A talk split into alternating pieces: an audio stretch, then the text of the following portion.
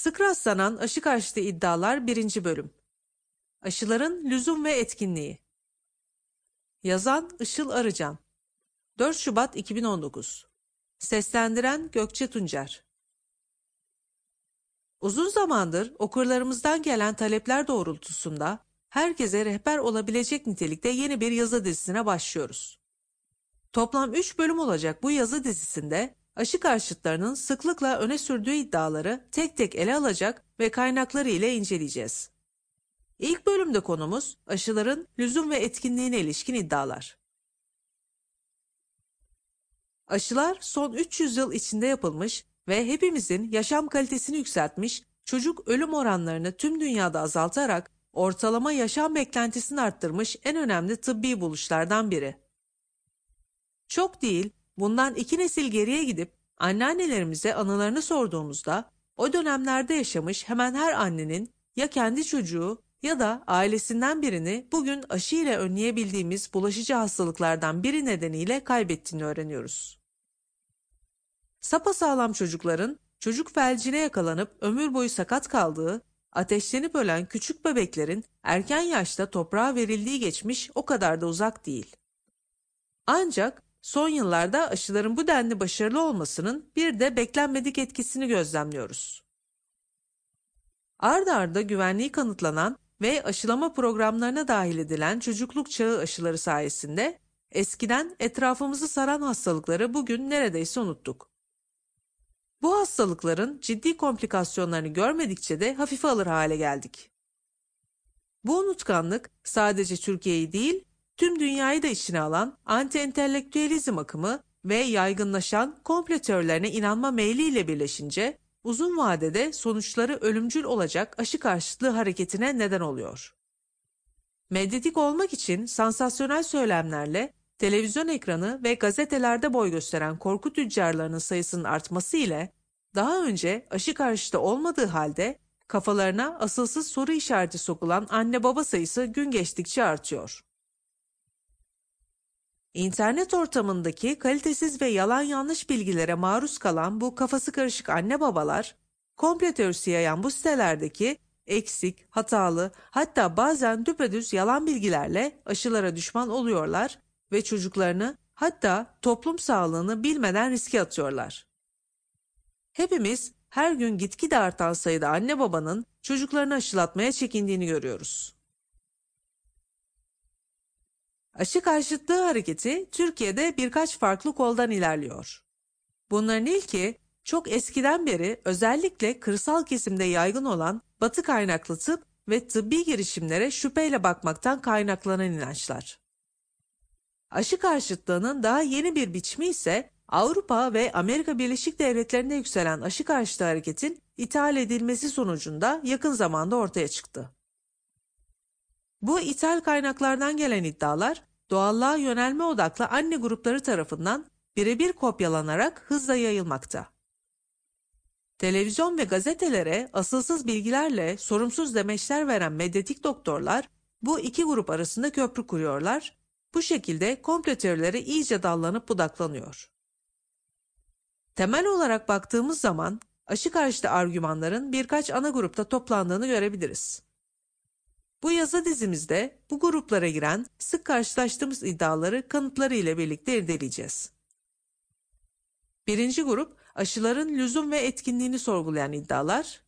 İkinci grup aşı içerisindeki maddelerin veya hazırlanma süreçlerinin güvenilirliğine yönelik iddialar. Üçüncü grup aşıların yan etkileri ile ilgili iddialar. Dördüncü grup aşılarla ilgili diğer komplo teorileri. Birinci bölüm aşıların lüzum ve etkinliğini sorgulayan iddialar. Aşı karşıtlarının öne sürdüğü iddiaların başında bulaşıcı çocuk hastalıklarının aslında medya ve tıp otoritelerinin iddia ettiği kadar kötü ve tehlikeli olmadığı, çoğu çocuğun bu hastalıkları geçirdiği ve bir sorun yaşamadığı geliyor. Gene bununla ilintili olarak aşıların aslında bu hastalıklara karşı koruma sağlamadığı iddiası da sıklıkla karşımıza çıkıyor. Bunlarla kısmen bağlantılı bir diğer iddiada net aşı karşıtı gibi görünmese de mevcut aşılama takvimini sorgulayan ve çocukların çok erken zamanda çok fazla aşıya maruz kaldığı ve bunun hem gereksiz hem de çocuklara zararlı olduğu iddiası. Bulaşıcı hastalıkların çoğu ölümcül değil, aşılar gereksiz. Aşı karşıtları bulaşıcı hastalıkları normal çocukluk sürecinin bir parçası olarak görüyorlar. Onlara göre çocukların aşılanmasındansa bu hastalıkları geçirip yenmeleri daha doğal. Bu inanç çerçevesinde su çiçeği, kızamık gibi partiler düzenliyor, hasta çocukları izole etmek yerine bilerek ve isteyerek sağlıklı çocuklarla bir araya getiriyorlar. Bulaşıcı hastalıkların tehlikesiz olduğu sanrısı bizi yanıltan zayıf hafızamızın bir ürünü. Bu hastalıkların ciddi ve ölümcül komplikasyonlarını görmüyor olmamızı başarılı aşı kampanyalarına borçluyuz. Bugün kızamık geçiren çocukların %20'sinde kızamık komplikasyonları hastaneye yatmayı gerektirecek kadar ciddi seyredebiliyor. Hastaların %6'sında zatüre, her 1500 çocuktan birinde ise ensefalit, akut beyin enfeksiyonu gelişiyor. Kızamık ölüm oranı hala 1000 kişide bir. Dünya Sağlık Örgütü kızamık aşısının yapılmadığında yılda 2.7 milyon çocuğun kızamık komplikasyonları nedeniyle öleceğini öngörüyor. Kabakulak aşılama programlarına dahil olmadan önce yılda yarım milyon çocuğun ölümüne neden olurken bu sayı bugün 80 bin civarında. Aşılar bulaşıcı hastalıklara karşı koruma sağlamıyor. Aşı karşıtlarının en sık kullandığı bu iddianın aslı sadece birkaç dakikalık bir Google araması ile çürütülebiliyor olmasına rağmen kafası karışmış ebeveynlerden en sık duyduğumuz endişelerden biri. Bunun nedenlerinin en başında aşı karşıtı yayın yapan web sitelerinin kullandığı dilin tıbbi makalelere göre daha yalın olması, daha çok okuyucu çekmesi ve Google aramalarında daha üstlere çıkması yatıyor. Bu nedenle doğru bilginin yalın bir dille anlaşılır şekilde anlatıldığı kaynaklar yaratmak önemli. Muhtelif hastalıklar için aşı öncesi yıllık morbidite rakamları yani hastalığa tutulan kişi sayısı ve aşılama sonrası ortalama yıllık vaka sayılarını karşılaştırmalı olarak gösteren tablolar mevcut. Kimi aşı karşıtı sitelerde bu rakamların düşmesinde aşılardan çok iyileşen ve gelişen tıbbi bakım, antibiyotiklerin keşfi, hijyen kavramının gelişmesi ve düzelen sosyoekonomik statü gibi gerekçeler gösteriliyor.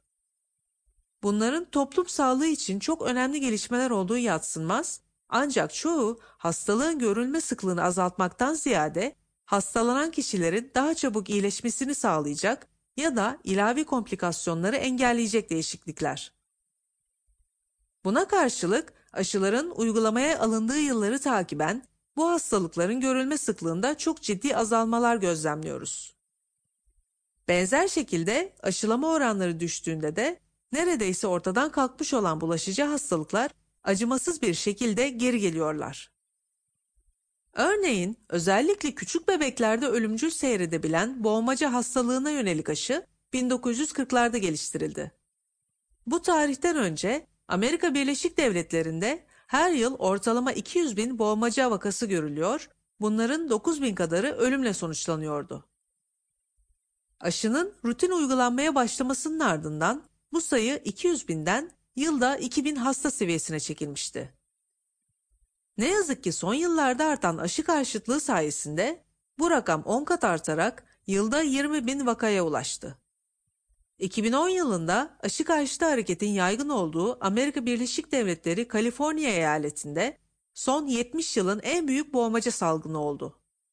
9143 kişi boğmacaya yakalandı. Bu vakalardan çoğu bebek olan 10 tanesi ölümle sonuçlandı. Çocuk benim çocuğum değil mi? İster aşılatır ister aşılatmam. Aşılanmak başta bireysel bir karar gibi görülse de toplum bağışıklığına olan etkileri nedeniyle hepimizi etkiliyor. Bir toplumda herhangi bir salgının önünü kesmek için toplum bağışıklık eşiğine ulaşmak gerekiyor. Ancak bu şekilde herhangi bir salgının kişiden kişiye atlayarak aşılanması mümkün olmayan kişilerin hastalanmalarını önleyebiliriz. Bağışıklık sistemi yetmezliği olanlar, kanser tedavisi görenler, organ nakli hastaları, çok yaşlılar, hamileler, çok küçük bebekler gibi aşılanamayan riskli popülasyonları olası bir salgında korumak için gereken toplum bağışıklığı eşikleri %80 ile %95 arasında değişiyor. Aşılama oranları bu rakamların altına düştüğünde o toplumda salgınlar baş göstermeye başlıyor. Özetle çocuğunuzu aşılatmama kararı sadece sizin çocuğunuz için değil, toplumdaki birçok farklı insan grubu için de sağlık tehdidi oluşturuyor. Toplum bağışıklığı konusu bir kenara, anne baba olmak insanın çocuğuna her istediğini yapacağı, yapabileceği anlamına gelmiyor. Her anne baba çocuğuna bakmak, korumak, gözetmek, onu bedensel ve ruhsal olarak hırpalamamak ve sağlığını gözetmekle yasal olarak da yükümlü ve bunları yerine getirmediğinde de çocuk istismarı yapmış kabul ediliyor. Benzer şekilde hem çocuklarının hem de toplumun önlenebilir bulaşıcı hastalıklardan korunmasını sağlamak da ebeveynliğin temel görevlerinden biri.